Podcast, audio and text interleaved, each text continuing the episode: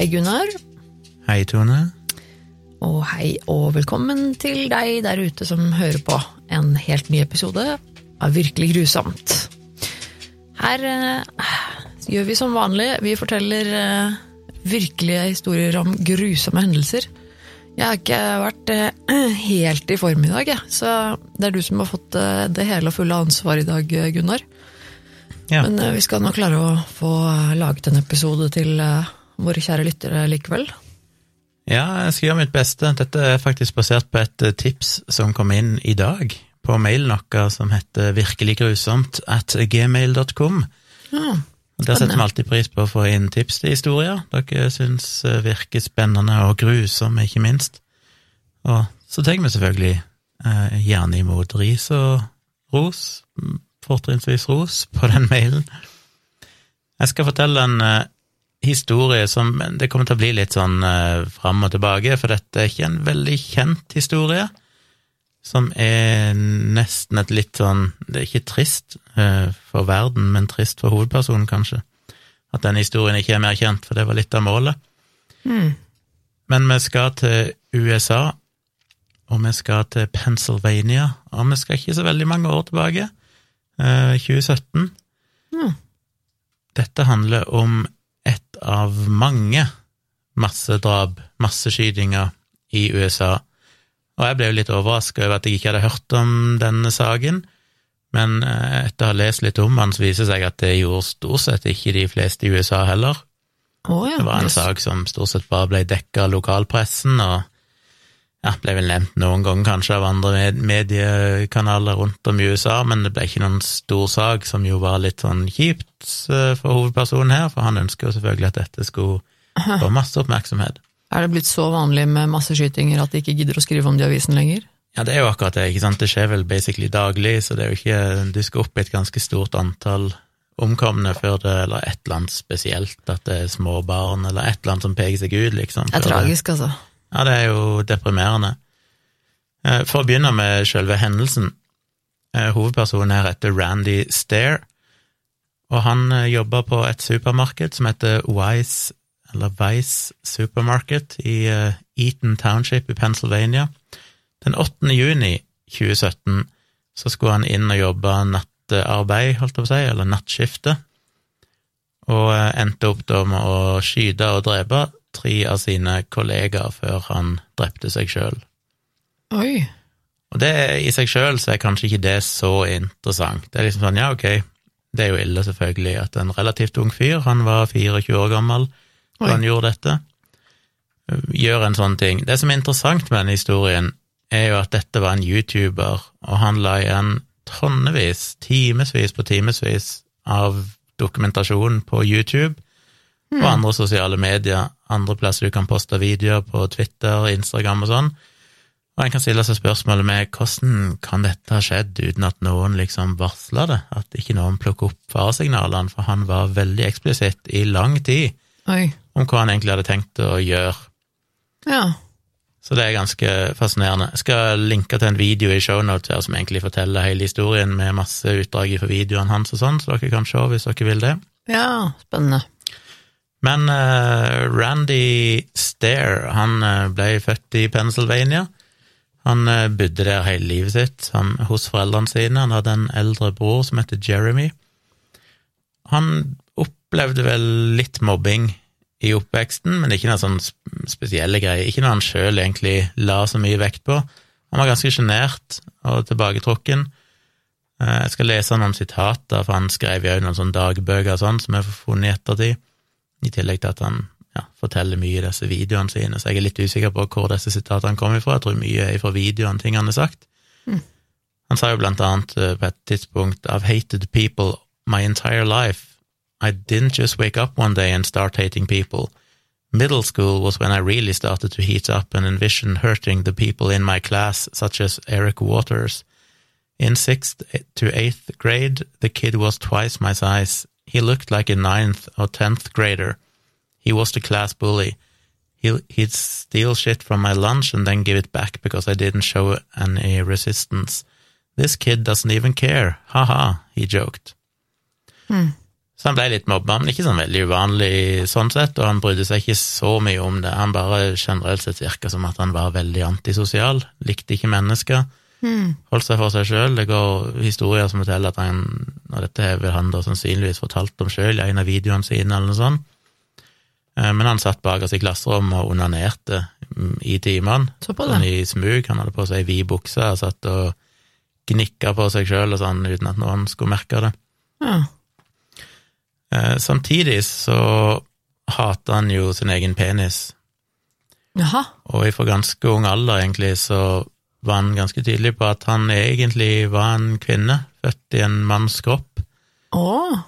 og vel egentlig på en måte så på seg sjøl, sjøl om han var veldig sånn fram og tilbake på hva han egentlig ville kalle seg, men han var vel en slags transperson. Yes. Og én av artiklene, men kun én av de, jeg ikke lest på ei sånn nettside som, er, som egentlig bare forteller om sånne egentlig true crime eller sånn drap og sånn, så blir han omtalt delvis som sky, selv om han da altså heter Randy Stair, eh, og si, offisielt sett var en mann. Eh, Og de går litt tilbake i den artikkelen, for de blander litt i samme setning, kan de skrive he og she. Ja, ja. Så jeg vet ikke om det er liksom offisielt at han bør kalles she, men nå omtaler jeg han som en mann her, fordi at jeg har aldri sett noen sånne utdrag at han forventer å bli kalt kvinne, eller noe sånt, at han ønsker å bruke det pronomenet. Nei, men det er jo eh, tydelig at eh, han hadde jo Han hadde kanskje ikke så lett, da. Jeg tenker jo at det å være trans er jo noe vi vet at kan være vanskelig for veldig mange. Han eh, var jo tydeligvis eh, kanskje litt antisosial og, og sånn i utgangspunktet, og vet ikke om Høres ikke ut som det kanskje var så lett eh, for han. Nei, altså det var flere ting her, og her er det jo ganske åpenbart en person som sliter med sin psykiske helse på veldig mange forskjellige måter. Og så er det jo alltid et spørsmål om hva som er årsak og virkning. Ja. Eh, Hvor mye spilte dette med at han følte at han var født uh, i feil kropp, holdt jeg på å si, inn? Hvor mye gjorde det at han òg åpenbart virka som å være deprimert? Eh, Eller var det noe separat av omstendighetene i livet hans? Han hadde jo egentlig et helt greit liv, det var ikke noe sånn, han hadde ikke noe voldelige foreldre, det var ingenting som var galt, men sånn sett. Nei. Men han, han er jo sjøl snakka om at han likte å ta på seg dameklede, og hver onsdag så reiste foreldrene hans ut for å gå og bowle. Og da pleide han enten å lage YouTube-videoer, som jeg skal komme tilbake til, som han begynte med etter hvert, eller han eh, kledde, kledde seg i dameklær. Og han har jo snakka om i de videoene at han ofte gikk med bh under T-skjorta si, bare fordi han tydeligvis Ja, at det da føltes riktig for han, at det ga han noe. Må jo selvfølgelig eh, bare for ordens skyld understreke at eh, det overhodet ikke er noe galt med det. Nei, nei. Så er jo, du er jo ikke nødvendigvis eh, sjuk eller noe feil med deg, selv om du liker å ha på deg dameklær selv om du er mann, eller omvendt, holdt jeg på å si. Nei, men det som derimot provoserte han, og det går igjen flere ganger her, det var vel at ingen egentlig la merke til det. For han har sagt for eksempel, eller han sa for eksempel, My parents don't seem to have a fucking clue as to what's going on in my head. 90% of the time I'm pale as a fucking lifeless corpse. In the end Og her har han jo allerede da planlagt eh, selvmordet sitt og sånn. In the end, if my mom says, I had no idea she was this depressed, or why didn't I see the signs, or what the fuck ever, then you shouldn't, then you should just stab yourself in the fucking chest for being so stupid. I mean, honestly, I don't go anywhere unless I have to. I don't speak to anyone unless I'm spoken to. I make zero friends by choice. I dress from head to foot in black. Even my bra and leggings are black. Find those yet? What about my black panties? Haha. I always look like a ghoul sucked the joy and happiness out of my face. I can go on and on, but fuck that. Ja, han skriker jo egentlig etter oppmerksomhet og blir sett her, egentlig. Ja, og det er jo Ja, vi skal komme litt tilbake alt opp, si, til den eh, hobbypsykologien her, men eh, det er mye interessant med denne, med denne personen. Ja. Han, han, han søkte jo oppmerksomhet, helt åpenbart, som var grunnen til at han blant annet begynte på YouTube. Jeg tror han begynte i 2008, og da lagde han en YouTube-kanal som han kalte for Pioneers Productions. Og der gjorde han jo som mange youtubere gjør, det finnes jo sikkert millioner av sånne kanaler der ute som har liksom noen titalls eh, subscribers, og som prøver å lage morsomme videoer. Jeg tror han begynte litt med å livestreame seg sjøl, spille dataspill, som jo er vanlig. Mm. Men så begynte han jo å lage litt sånn sketsjer og sånn. Jeg har sett noen klipp av de, og, og selv om YouTube-kanalene ble tatt ned etter det som skjedde, så var de oppe så lenge at alle fikk jo lagre det, så det finnes jo sånne archives og sånn på YouTube, sånn kopier av kanalene hans, basically, Ja. der folk posta mye av det samme, mye av videoene hans. Eh, Og det er jo sånne sketsjer som jeg alltid syns er grusomme å se, sånn skikkelig dårlig redigert, der én person spiller alle rollene og bla, bla, bla. Så er det ikke Ah, ja, sånn, ja. og jeg syns det er bare smertefullt å se på det. Men han drev på med det, og hadde ikke noe særlig suksess på den fronten, før han lagde en video som heter Mr. Horsehead meets Mr. Wooden Alligator. Aha. Og den ble eh, nevnt eller omtalt i en video av en på det tidspunktet, visstnok, veldig populær YouTuber som heter Ray Williams Johnson, eller Ray, William Johnson, som hadde millioner av seere. Og det ga han jo en del oppmerksomhet, og det syntes han var kult. Så da fortsatte han med det, og, og laga videoer som mer sånne dokker eller figurer som han på en måte ga navn og Mm. personligheter. Sorry. Eh, som han spilte ut. Han lagde spesielt en del videoer med to karakterer som var Froggy og Whale. Og Froggy, det var en sånn liten plastikkfrosk, bare sånn leketøy, som var liksom antagonisten i disse sketsjene hans, og var en, en grusom eh, personlighet. Han drev, Froggy drev alltid og mobba og eh, trakasserte Randy i disse sketsjene.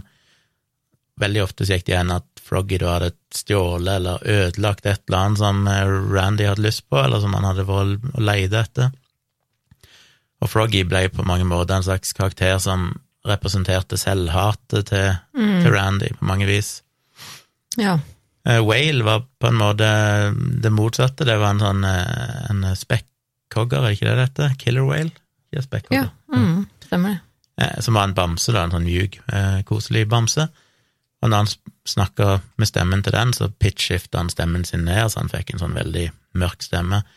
Men denne Whale var jo en ganske ufordragelig personlighet, den òg, visstnok. Den kom ofte med veldig sånn homoseksuelle kommentarer.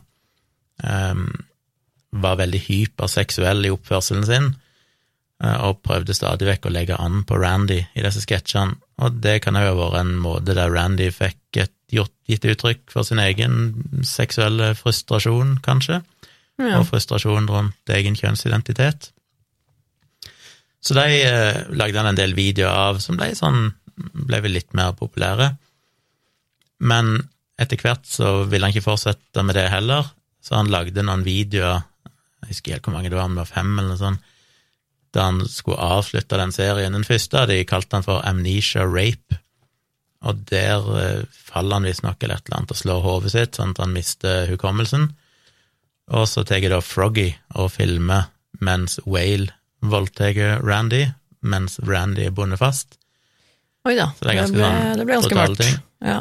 Den siste av de filmene heter Extinction, og der ender han opp på en måte med å drepe både Froggy og Whale okay. i denne videoen. Ganske mørkt, altså. Det var veldig mørkt, og han har jo sjøl litt uttrykk for, og det kan en òg se i forskjellige ting. Han, eh, jeg tror det fantes noen videoer som ikke er nødvendigvis er ting som er posta på YouTube, men eh, jeg så noe, ja, et eller annet han, han var veldig opptatt av døden fra veldig ung alder, egentlig helt fra han var liten, så var døden noe som alltid han var fascinert av. Mm. Men så kom jo det som da begynner å bli veldig spesielt. Eh, På videregående så kom han over en sånn Nickelodeon tegneserie, tegnefilm, der det er en karakter. Eh, Showet heter Danny Phantom, og den ene karakteren i den ene episoden heter Ember McLean. Og hun er da basically et spøkelse, et tegneseriespøkelse, som han identifiserte veldig med, og ble helt besatt av og fant ut han skulle lage sjøl en egen tegnefilm basert på dette, og begynte å sende ut mailer, skulle få sånne voice actors og sånn til å legge på stemmer, få folk til å hjelpe han med animasjonene og alt mulig sånn, Ja. Og, og begynte å skissere ut hvordan dette her skulle være. Men han tok det jo litt langt, han begynte etter hvert å, å mene og snakke mye om dette i videoene, egentlig, at han, han egentlig utvalgt av hun der Amber McLean til å bli en del av hennes squad, liksom da, av sånne militariserte kvinnelige spøkelser som reiser gjennom dimensjonene og ja, et eller annet. Så han følte vel på mange måter at han var gjenfødt, For det, i den episoden der hun er med, så er hun da en sånn rockeartist som får energi når folk roper navnet hennes og hyller henne. Mm. Jeg tror han kjente seg veldig igjen, at det her er desperate behovet for å ville bli anerkjent og Ja. bli berømt. Men hun ender opp med å dø i en brann eller noe sånt i slutten av denne videoen, så hun dør jo til slutt. Og han har vel en idé om at han på mange måter er gjenfødt, den gjenfødte versjonen av denne tegneseriefiguren. Ok. Uh, og han uttrykker det blant annet i dette sitatet, da han sier I want to chop my penis off so bad. They're so fucking disgusting. Why do guys like drawing those putrid things so much? I swear to goddess. Og med goddess så er det vel hun Amber McLean, for han sier jo i en annen video at han han er ikke religiøs, men han kaller seg ikke artist, for han har en slags tro på guddommeligheter, der kanskje hun er liksom den høyeste prestinnen, hun der Amber McLean. Please just stop. I can't wait to have my penis and butthole taken away and to have my pussy and breasts back. It's agony. 24 years without them. 24 years. I miss my white skin, leggings, and long hair. I miss not having to breathe. I miss not being able to feel physical pain. I miss my bracelet. I want it all back. This body is a punishment. Most of all, I miss my cartoon like form.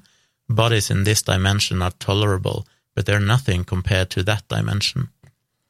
Shit, altså. Det er jo ganske Det er litt sånn vondt. Det Ja. det er, det er heftig, ass. Det er åh. Så han var jo veldig opptatt av døden, og det er ganske åpenbart at utover videregående og sånn, eh, så blir han nok mer og mer psykisk syk. Det fascinerende er jo det at alle kollegaer og alle som har møtt han og sånn etter dette her skjedde, sier jo at han var en superhyggelig fyr.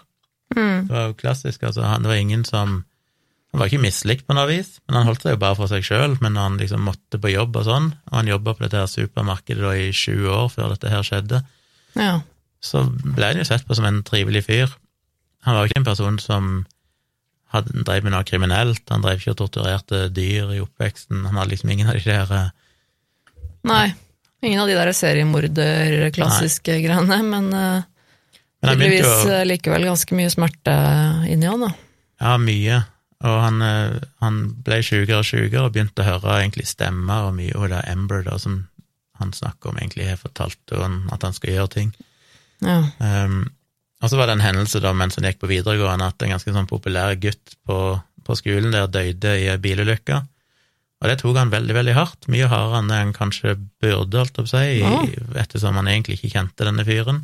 Okay. Og ikke så veldig lenge etterpå så var det en annen klassekamerat som òg ble drept i ei bilulykke.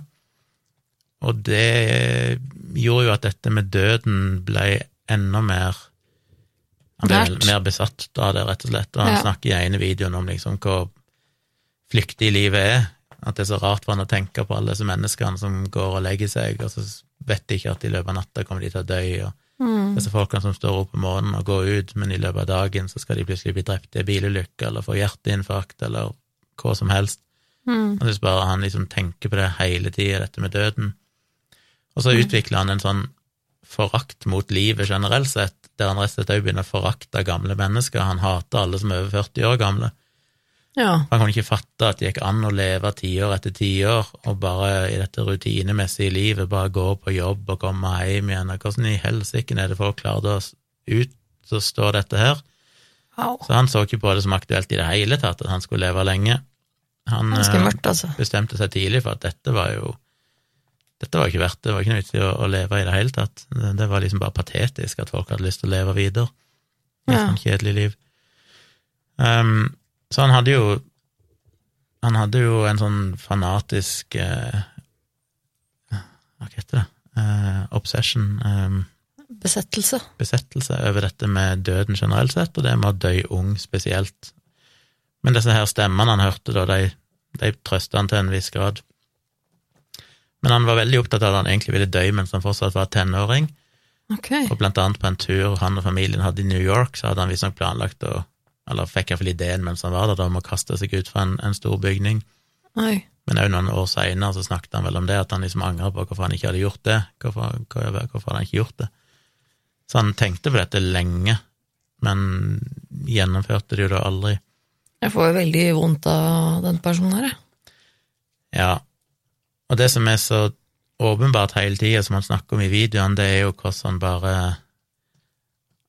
allerede i barneskolen eller ungdomsskolen, litt usikker, så skrev han jo iallfall fire eller fem sånne noveller i, i, som en del av skolearbeidet, de som skriver historier, og hans historier handla nesten alltid om at noen endte opp med å dø på en brutal og grusom måte. Mm. Men han ble bare så sjokkert, for det var ingen som reagerte på det.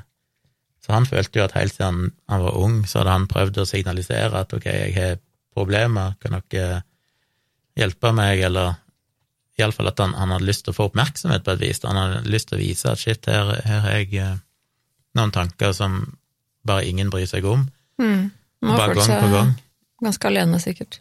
Og så kom jo alle disse videoene da, der han driver og, og Twitter-kontoen der han etter hvert skrev mer og mer eksplisitt om hva han hadde planlagt. Mm.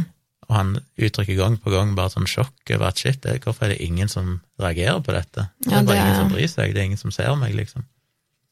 Det er jo Ja, det det er jo ikke Det er jo ikke bra. Jeg Nei, tenker det det, det, er jo, det er jo egentlig litt rart på mange måter, og veldig, veldig trist.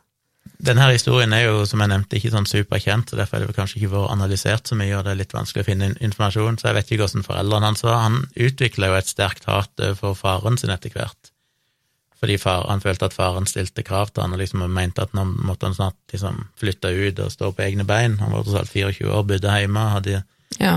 hatt en, en sikkert ikke veldig godt betalt jobb i en butikk i 20 år, og gjorde ingenting med livet sitt, egentlig.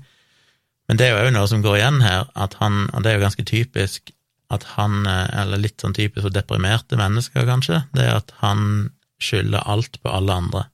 Mm. Det er ingenting her, ikke en eneste gang i løpet av alle de titalls timene med videoer der han sitter og klager på andre mennesker, så er det aldri han sjøl som må ta en ansvar eller gjøre noe med livet sitt. Det er Nei. bare omstendighetene, det er folk som er urettferdige, det er ja. livet er liv, det er ikke verdt å leve, men det, det, det er liksom aldri noe om at ja, men han, han må gjøre noe sjøl, Nei, det er det han den eh, offerrollen da, som gjerne utspiller seg sånn. At man er gjerne veldig sint og har mye, mye nag, og det går jo utover på en måte alt som er rundt en. Da. Og man er på en måte et offer for et fælt liv, og Ja.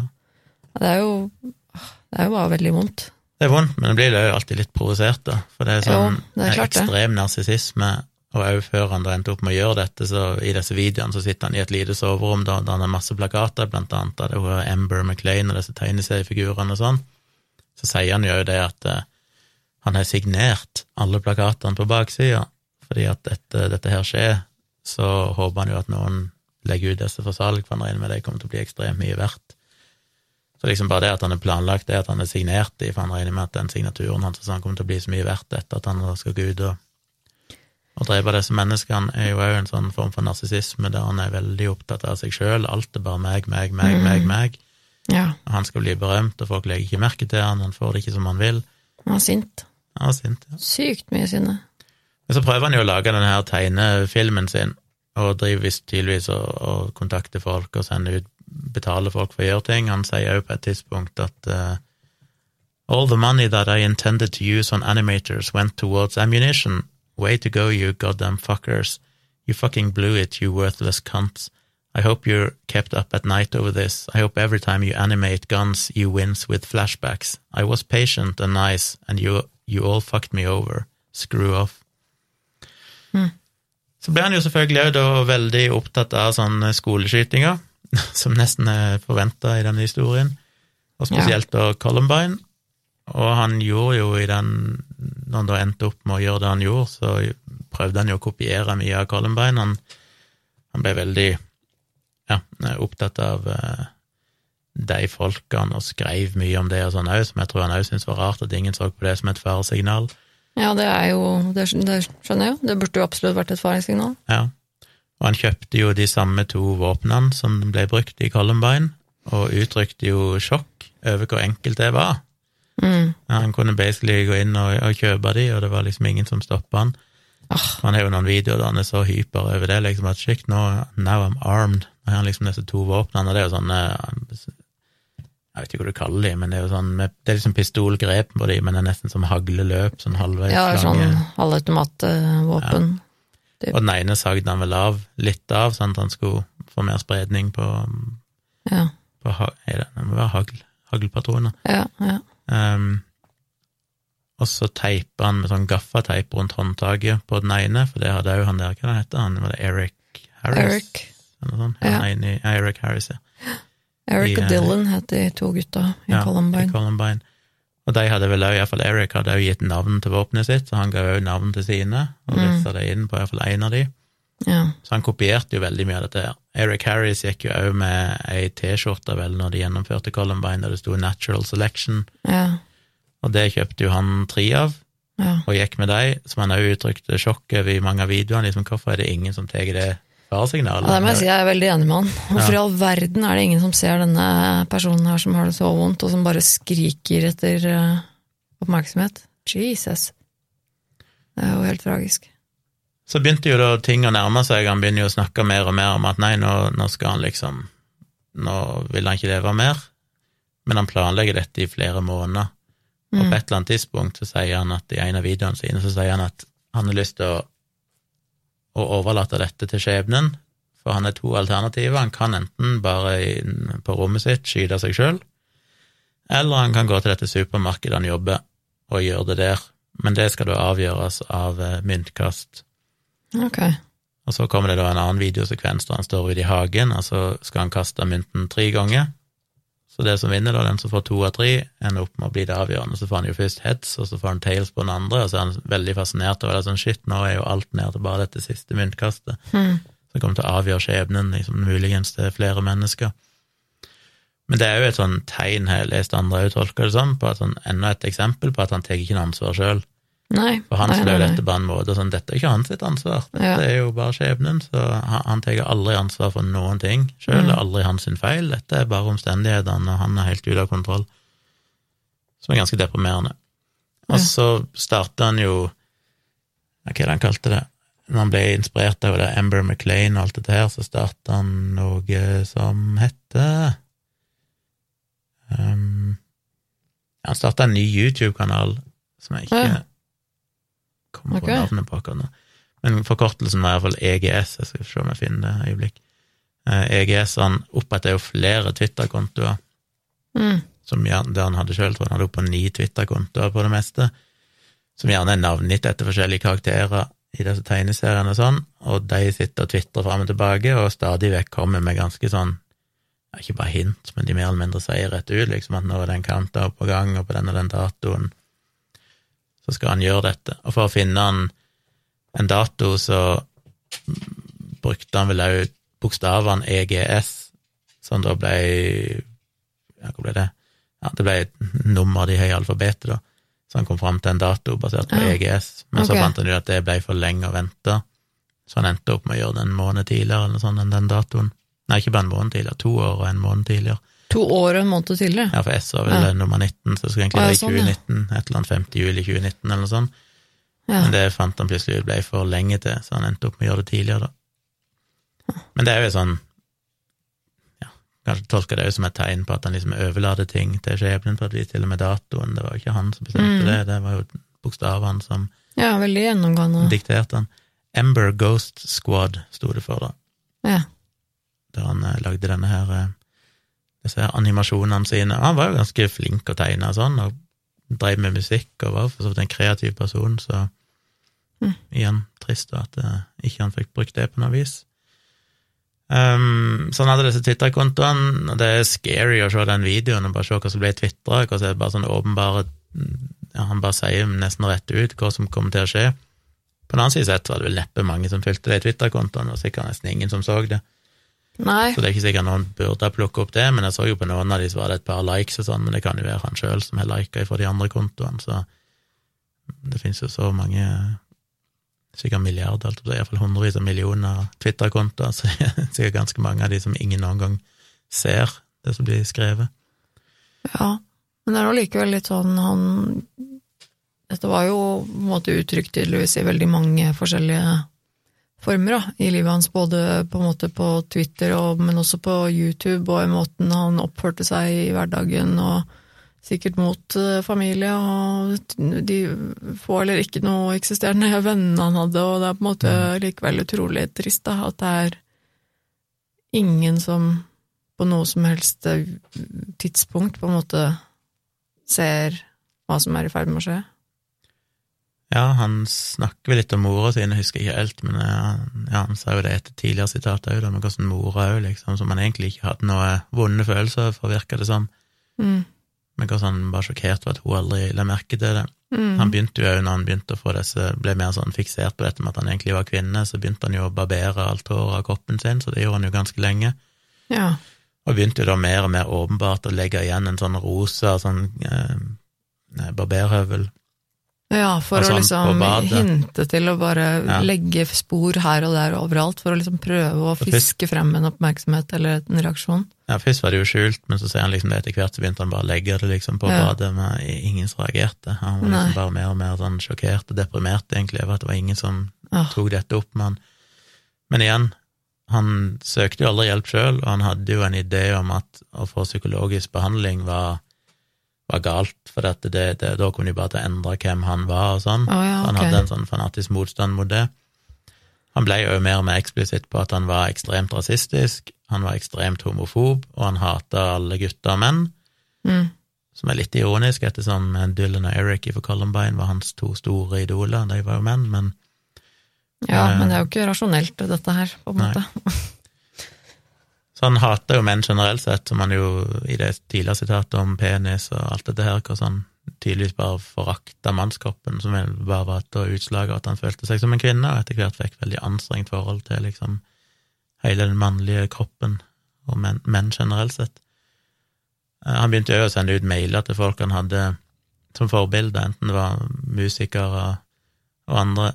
En av de som skrev han I hate humans, I hate society. I hate the thought of being alive. I al I've almost always hated life.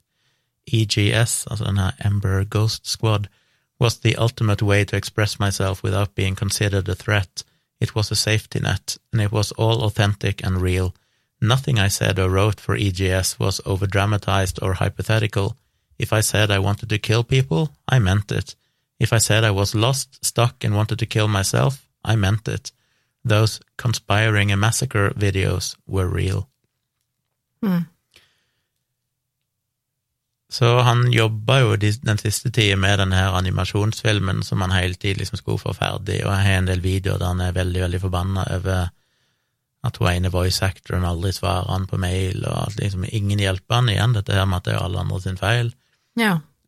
og som òg virker litt sånn ja, narsissistisk på en måte. Altså Han har en slags idé om at dette her er et sånn fantastisk prosjekt, ikke sant, og hvorfor, ikke, hvorfor stiller ikke bare alle opp for å hjelpe han og sånn?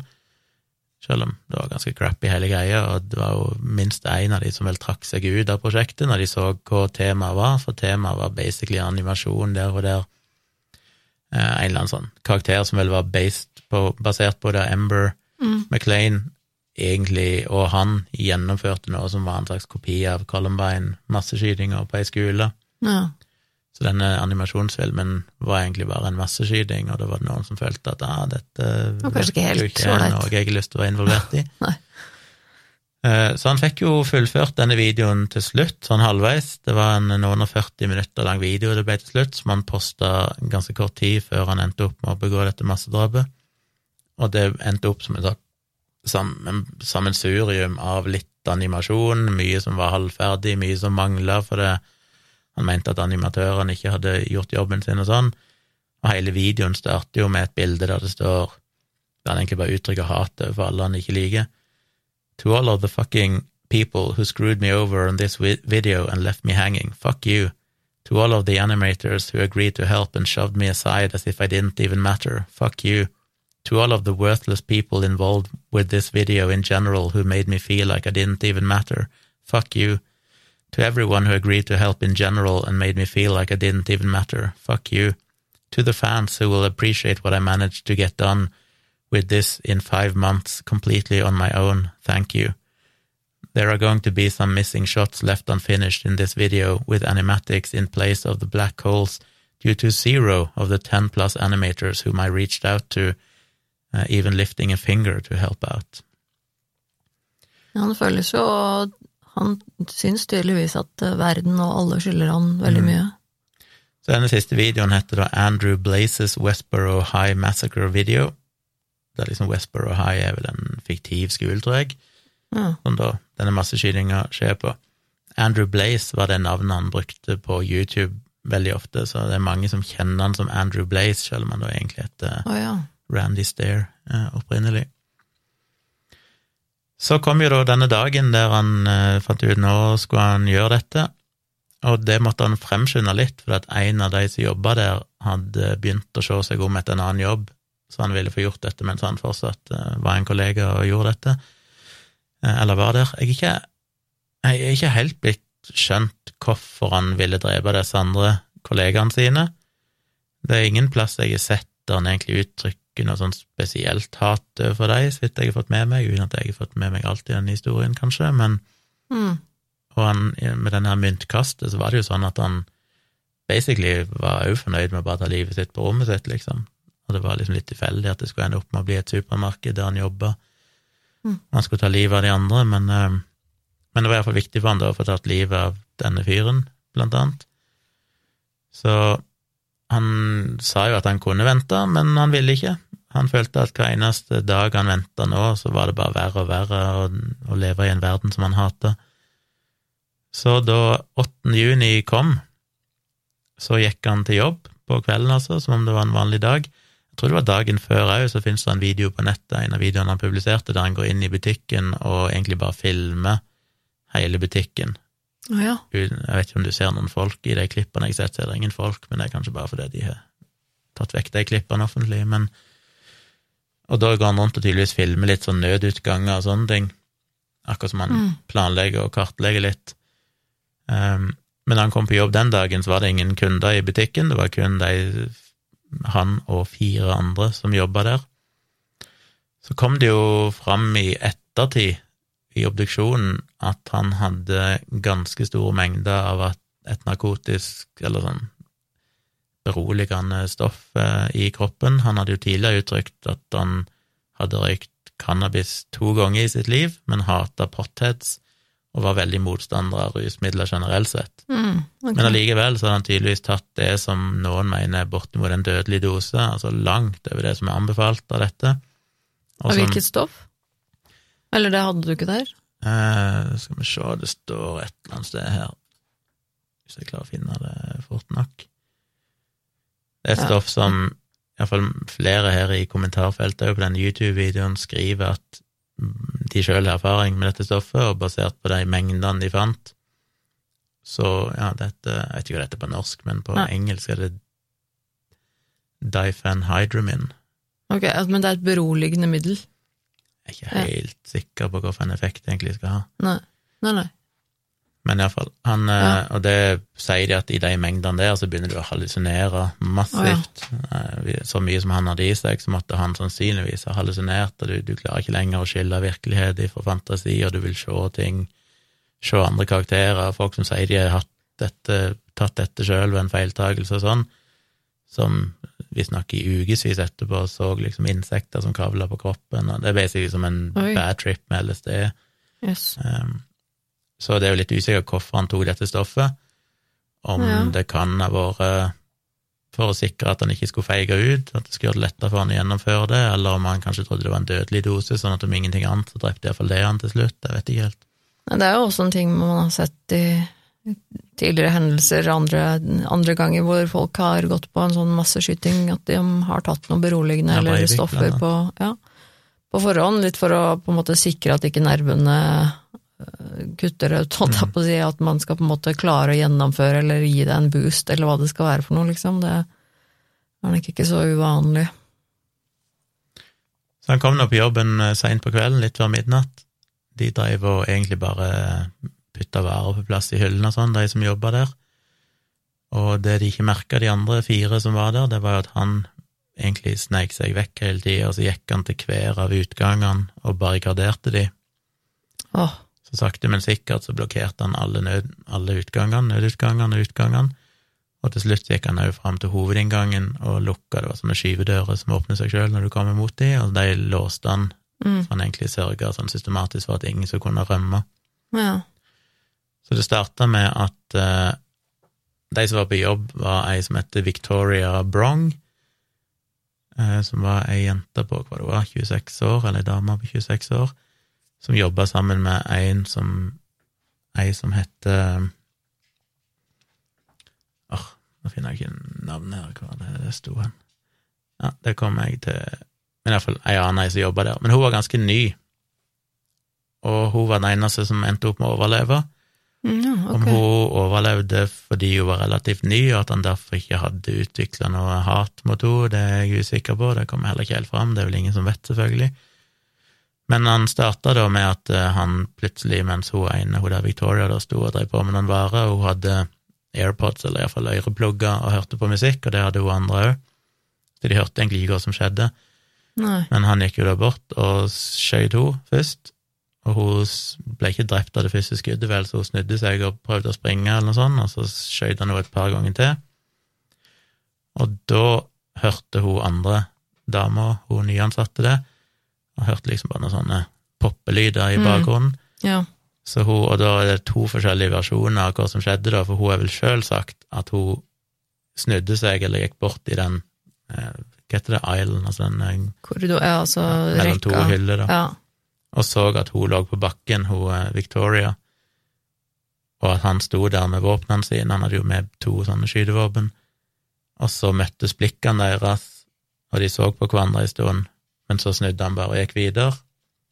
Det er fascinerende nok hennes beskrivelse av det, Okay. men ifølge overvåkingskamera, det som politiet og media har sagt, så viser det noe helt annet, og det viser at hun kommer bort til den der island der eh, han har skutt Victoria, eh, og ser at hun ligger der, og så kommer han Brian da egentlig gående bak henne, og hun merker ikke at han er der, fordi hun har headset på seg, og han blir stående og se på henne i rundt fem sekunder, før han bare snur, og så går han en annen vei.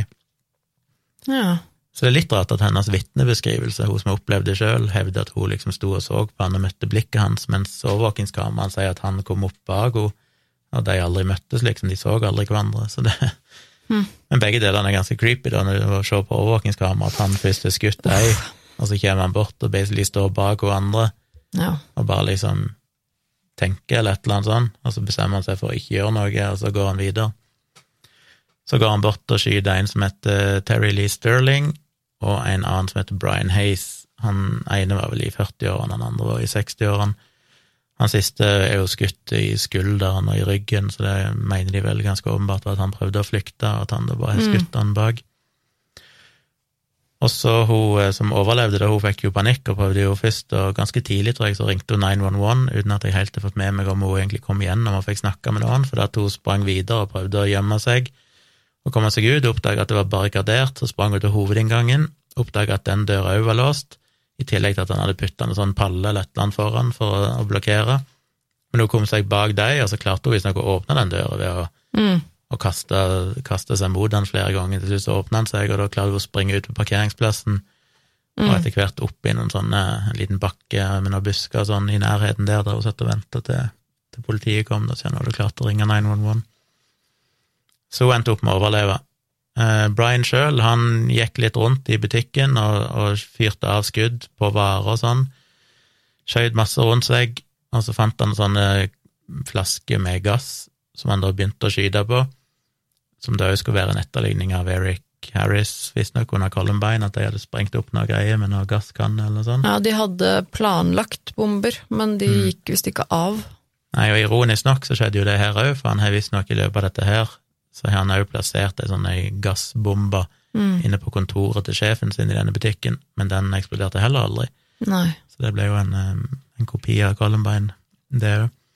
Så han skjøt på disse flaskene, men de eksploderte aldri. Han hadde et håp, virka det som, at han skulle klare å sprenge opp hele butikken og seg sjøl i samme slengen. Det funka ikke. Og til slutt så gikk han bort i, i kjøttdisken, holdt jeg på å si, i det området der, og så endte han opp med å skyte seg sjøl i hodet og drepte seg sjøl. Wow. Um, ja. Han har jo skrevet mye. Han hadde en sånn journal, som sagt, som han òg jo skrevet i, og en annen plass, vet ikke om det er en video, så har han sagt My goals are extreme, but one of them is a must. I want to form a suicide cult following. If it happens after I'm dead, then so be it, but I want people to spread EGS around the globe and to perform mass suicides, sacrificing their lives for the squad. Something tells me at least one human will take their own life from watching e- EGS, and the parents will cause a national uproar over it, all towards me, and I'll just say, What do you want me to do about it? And that that'll be it. Fucking humans, always looking to blame somebody. Keep a better eye on your kids then, you morons. Mm. Som er litt ironisk, da, at han liksom klager på at mennesker alltid skylder på andre mennesker, når det er basically det han har gjort hele livet sitt sjøl. Ja. Kanskje det var et, eh, et glimt av selvinnsikt, eller noe sånt. Men han hadde jo en veldig Altså, ideen hans med å drepe seg var jo egentlig at han skulle da komme tilbake igjen og, og bli til hun der Ember igjen, og bli denne spøkelses-tegneseriefiguren som det virka som at han helt oppriktig trodde at han kunne gjøre. Ja. Og komme tilbake til denne kvinnelige kroppen i tegneserieversjonen, som han tydeligvis savna så veldig. Så um, Det virker jo som om han eh, Man kan liksom tenke at han var ganske syk, da, og at han ble verre og verre.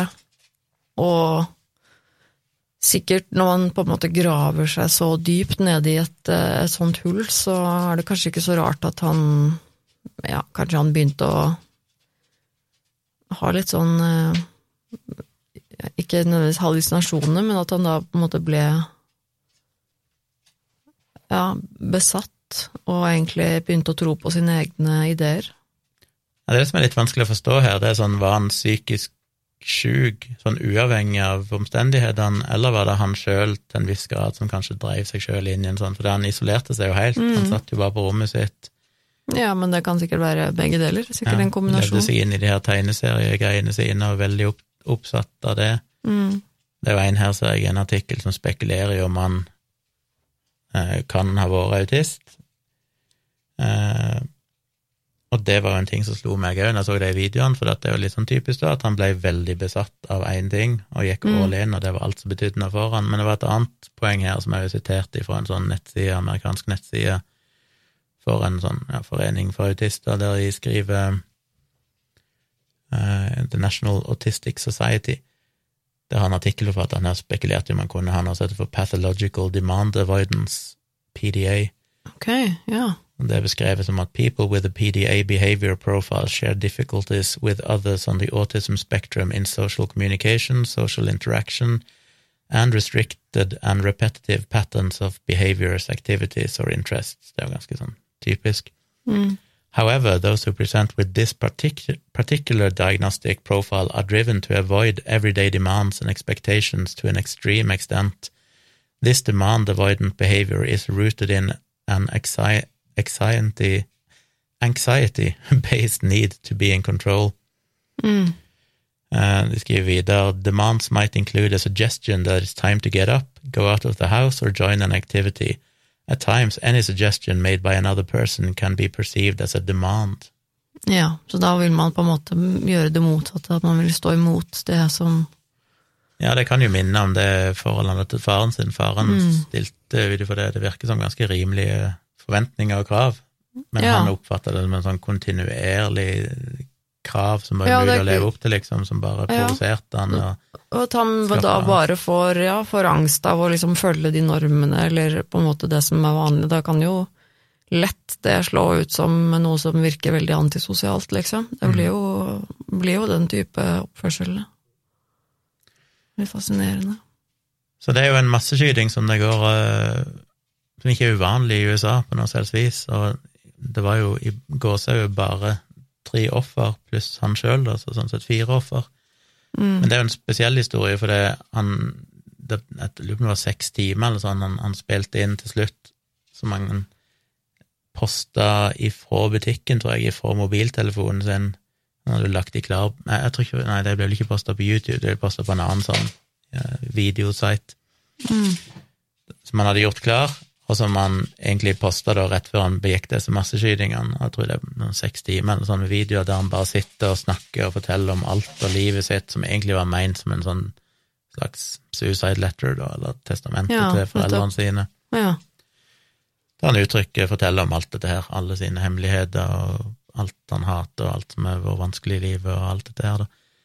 Og det er det som gjør denne saken interessant, for det at selv om hendelsen i seg sjøl ikke fikk mye presseoppmerksomhet, og egentlig ikke var noe sånn stor deal i amerikansk sammenheng, eh, så er det jo en skattkiste for psykologer og folk som forsker på disse tingene og prøver å forstå disse mekanismene, for det er jo sjelden eller aldri har de noen gang hatt så mye materiale Mm. de kan gå gjennom og prøve å finne ut liksom hele denne prosessen. Eh, Denne her siste videoen, og denne Andrew Blaze Westboro High Massacre-video, som han da til slutt ble ferdig med å poste, var det dagen før eller samme dagen som han begikk disse drapene, så ser du jo Jeg leste jo den introen da, da han sier fuck you til alle som han syns svikter han. Mm. Så ser du han pakker disse våpnene og sånn, og de som han faktisk da bruker etterpå for å drepe disse folkene.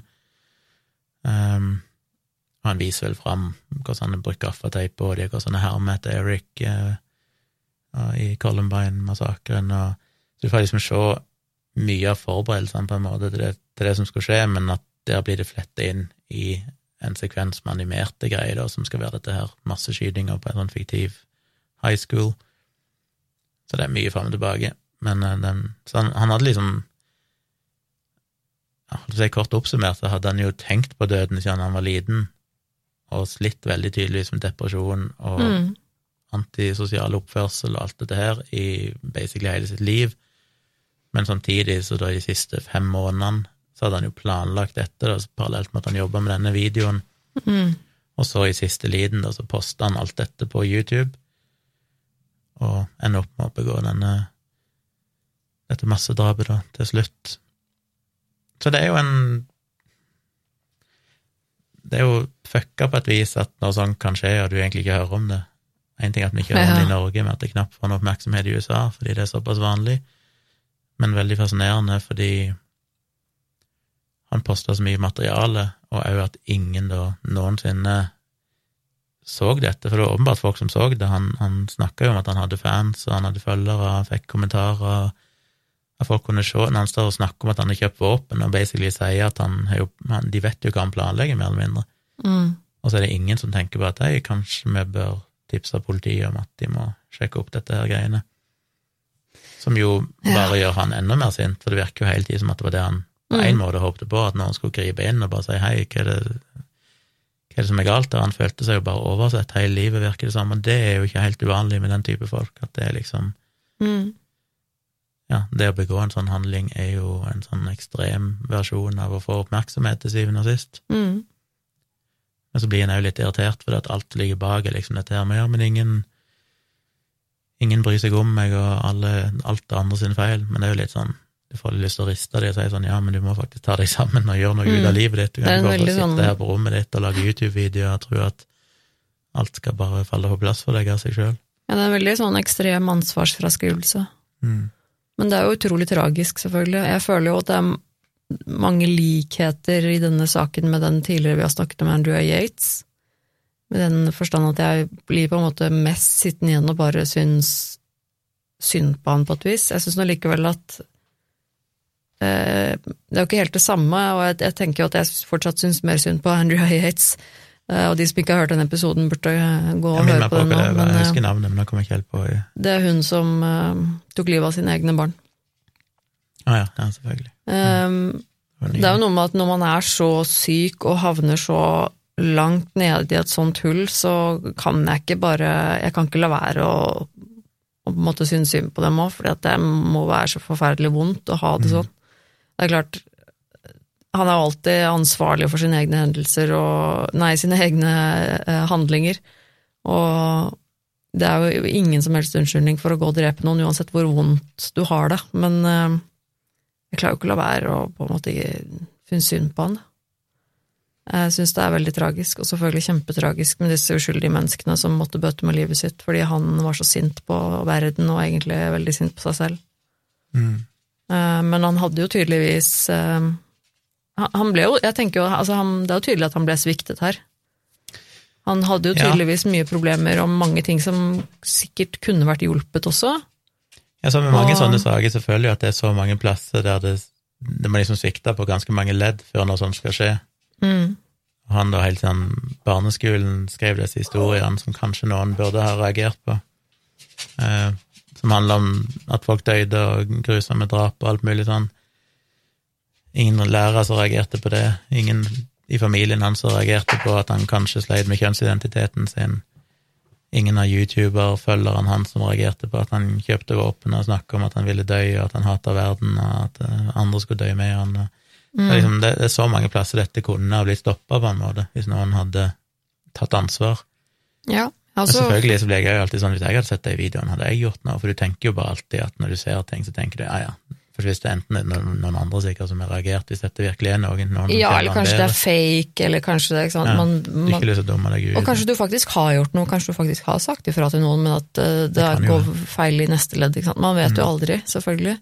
Og det er jo til syvende og sist uh, så har man jo alltid ansvar for seg selv og sine egne handlinger, sånn uh, i bunn og grunn, og det er klart at selv om han nok skulle ja, jeg tviler ikke på at han skulle hatt noe hjelp, og han, han, burde jo, han, burde jo, uten tvil fått oppmerksomhet. Mm. Han eh, ble jo sviktet, vil jeg, vil jeg si. Um, men likevel så kan du ikke gjøre sånne ting. altså Det er på en måte uansett ikke greit, da. Nei, det er jo ingenting som legitimerer det, selvfølgelig. Men, uh, men jeg er veldig fascinert av dette med hans uh, usikkerhet rundt kjønnsidentitet og dette, ja. hvor mye det spilte inn. Ja. For det kan nok virke som at det var mye av roten til dette, dette hatet han hadde til andre gutter og menn. Eh, for så vidt seg sjøl og sin egen kropp, sin egen selvforakt, eh, og at han liksom prøvde å signalisere det, men ingen plukker opp de tegnene og sånn, så det er jo høyaktuelt sånn sett denne saken nå, bare med all debatten om, i transdebatten og sånn òg, hvordan det påvirker folk å ikke få leve ut sin ja, kjønnsidentitet sånn som de føler det.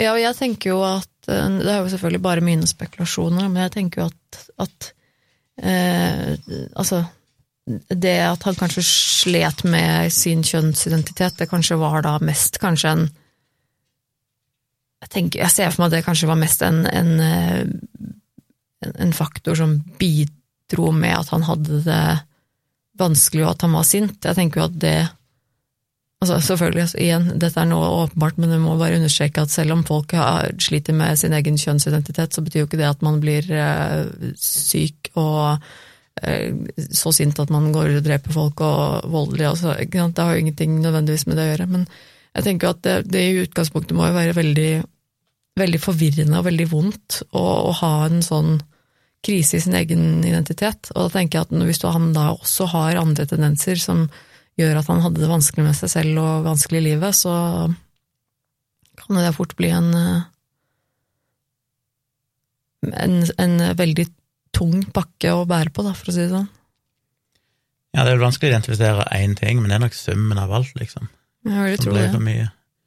Men det betyr jo òg at hvis noen hadde klart å gripe inn på én av tingene, så kunne det være nok til å Ja, jeg syns det, det, er, det er vanskelig å rangere også, syns jeg, for det er eh, jeg blir jo, jeg syns jo veldig synd på han, samtidig som man blir jo litt sint på han, for det er liksom sånn, du, du, må, du må ta ansvar selv for deg selv også. Uh, men nei, men det er jo sånn her, altså, den autistiske diagnosen, så det er ikke så lett for han kanskje å Nei, nei, nei, det er klart at det, det er jo angst i han istedenfor Ja, ja. Nei, jeg, jeg føler jeg, jeg, føler veldig mye han, jeg må si det. Jeg syns det er en veldig sånn trist trist skjebne. Jeg sitter jo bare egentlig igjen med følelsen av at han ble jo sviktet av alle rundt seg. Um, og så er det jo selvfølgelig dette med at han drepte folk og drepte seg selv. Det er jo selvfølgelig veldig grusomt, så det trekker jo opp på skalaen, det. Um, ut fra min uh, bare en sånn følelse jeg sitter med Sitter kanskje med seks, syv på skalaen. Uh, seks, tror jeg, på skalaen, grusomhetsskalaen. For min del. Bare den første følelsen jeg får. Ja. Nei, det er jo som med alle historiene så vanskelig å rangere det, for det er så mange faktorer. Selve den drapen i seg sjøl, ja, der er fire personer som blir drept. Mm. Um, skjer relativt raskt og holdt på å si, går så er jo smertefritt. Um, ja, og vi har jo snakket sånn, om verre drap enn ja. det også, sånn i seg selv, så, men selvfølgelig drap er sånn, alltid ille, men det er jo men sånn sett. Og vi har også snakket om andre saker hvor det er både folk som er holdt jeg på å si, sykere eller mer onde, eller hva man skal mm. kalle det, og som også dreper flere mennesker på mer grusomme måter. Så det er på en måte, sånn sett så, så er ikke denne så fæl i, i, i sammenligning, men det er jo Nei, det er jo bare veldig, veldig trist og veldig tragisk, hele greia, syns jeg. Ja, på en måte så føler jeg at historien som helhet kanskje bare er en sånn fire, tre, fire, egentlig, for det er en ganske sånn basic, enkel, historie, men på mange måter så er det jo mer den creepy faktoren av å tenke på at han satt og la ut alt det der på, på YouTube og internett. Ja, det er også ganske sånn uh, og var så ubehagelig, åpen altså. om det, og folk kunne ha sett det, og du kan se Ja. på det i ettertid, liksom se timevis med videoer av denne fyren som du vet hva han endte opp med å gjøre. Ja. Det gjør det jo mer sånn at creepy-faktoren stiger en del, men, uh, men ja. Nei, vi får høre hva dere mener, kjære lyttere. Dere må eh, Gjerne. Gjerne vi poster jo den episoden inne på Facebook-sida vår, som heter Virkelig grusomt. Eh, Følg gjerne den. Gå inn og Vet ikke hva det heter på Facebook, bare liker du eller følger du et eller annet som gjør at du får med deg oppdateringene på den sida. Ja, der er det jo eh, alltid stadig vekk folk som eh, poster sin eh, egen rangering og mening om episodene våre, og det er jo alltid litt gøy å Mm. Høre hva dere Det er veldig gøy å lese hva andre mener. Ja, det er det. Ja, vi har jo alle vår oppfatning av hvordan vi rangerer ting, og hva som er grusomt og ikke, på en måte. Det er ganske sånn, ja, det er inter- interessant å høre hva, hva dere der ute syns. Mm. Så gjør gjerne det. Og det er også, som vi har sagt før, eh, hvis du følger oss på Facebook, så får du også der lettere tilgang til oppdateringer i tilfelle det skulle være en uke vi ikke får laget en episode, eller så hender det jo faktisk at du og jeg, Gunnar, vi har jo også en livestream eh, som er helt eh, ikke relatert til podkasten, men som kanskje mange syns også det er gøy å få med seg. Det også har vi faktisk lagt ut på Facebook-siden vår i det siste. Ja, så på fredagskveldene, seint på fredagskveldene, hvis dere følger med, følger den sida, så dukker det kanskje opp en notification om at vi går live, og der går det an å stille dere spørsmål om virkelig grusomt og sånn òg. Meg og Tone snakker om alt mulig rart der. Det gjør du selvfølgelig. Og siden det er vi som har denne podkasten, så har vi tidvis livestreamer på Facebook-sida til Virkelig grusomt, selv om selve livestreamen ikke egentlig handler om det. Men da må vi jo Ja, unnskyld. Nei, det går an å følge dere på sosiale medier. Jeg heter Civix, C-I-V-I-X, på Twitter og Instagram. Ja, jeg heter Tone Sabro. Eh, generelt og på internett. Og der kan dere òg kommentere, for der poster vi òg bilder av hver episode. Så hvis du vil skrive der heller, hvis ikke du er på Facebook, så kan du òg kommentere der og komme med din eh, grusomhetsrangering.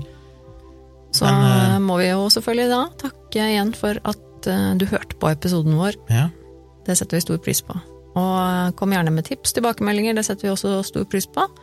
Og så er vi tilbake igjen om en ukes tid, det regner jeg med? Er vi ikke det? det tror jeg vi er. Så da sier vi bare fram til da, ha det. Ha det.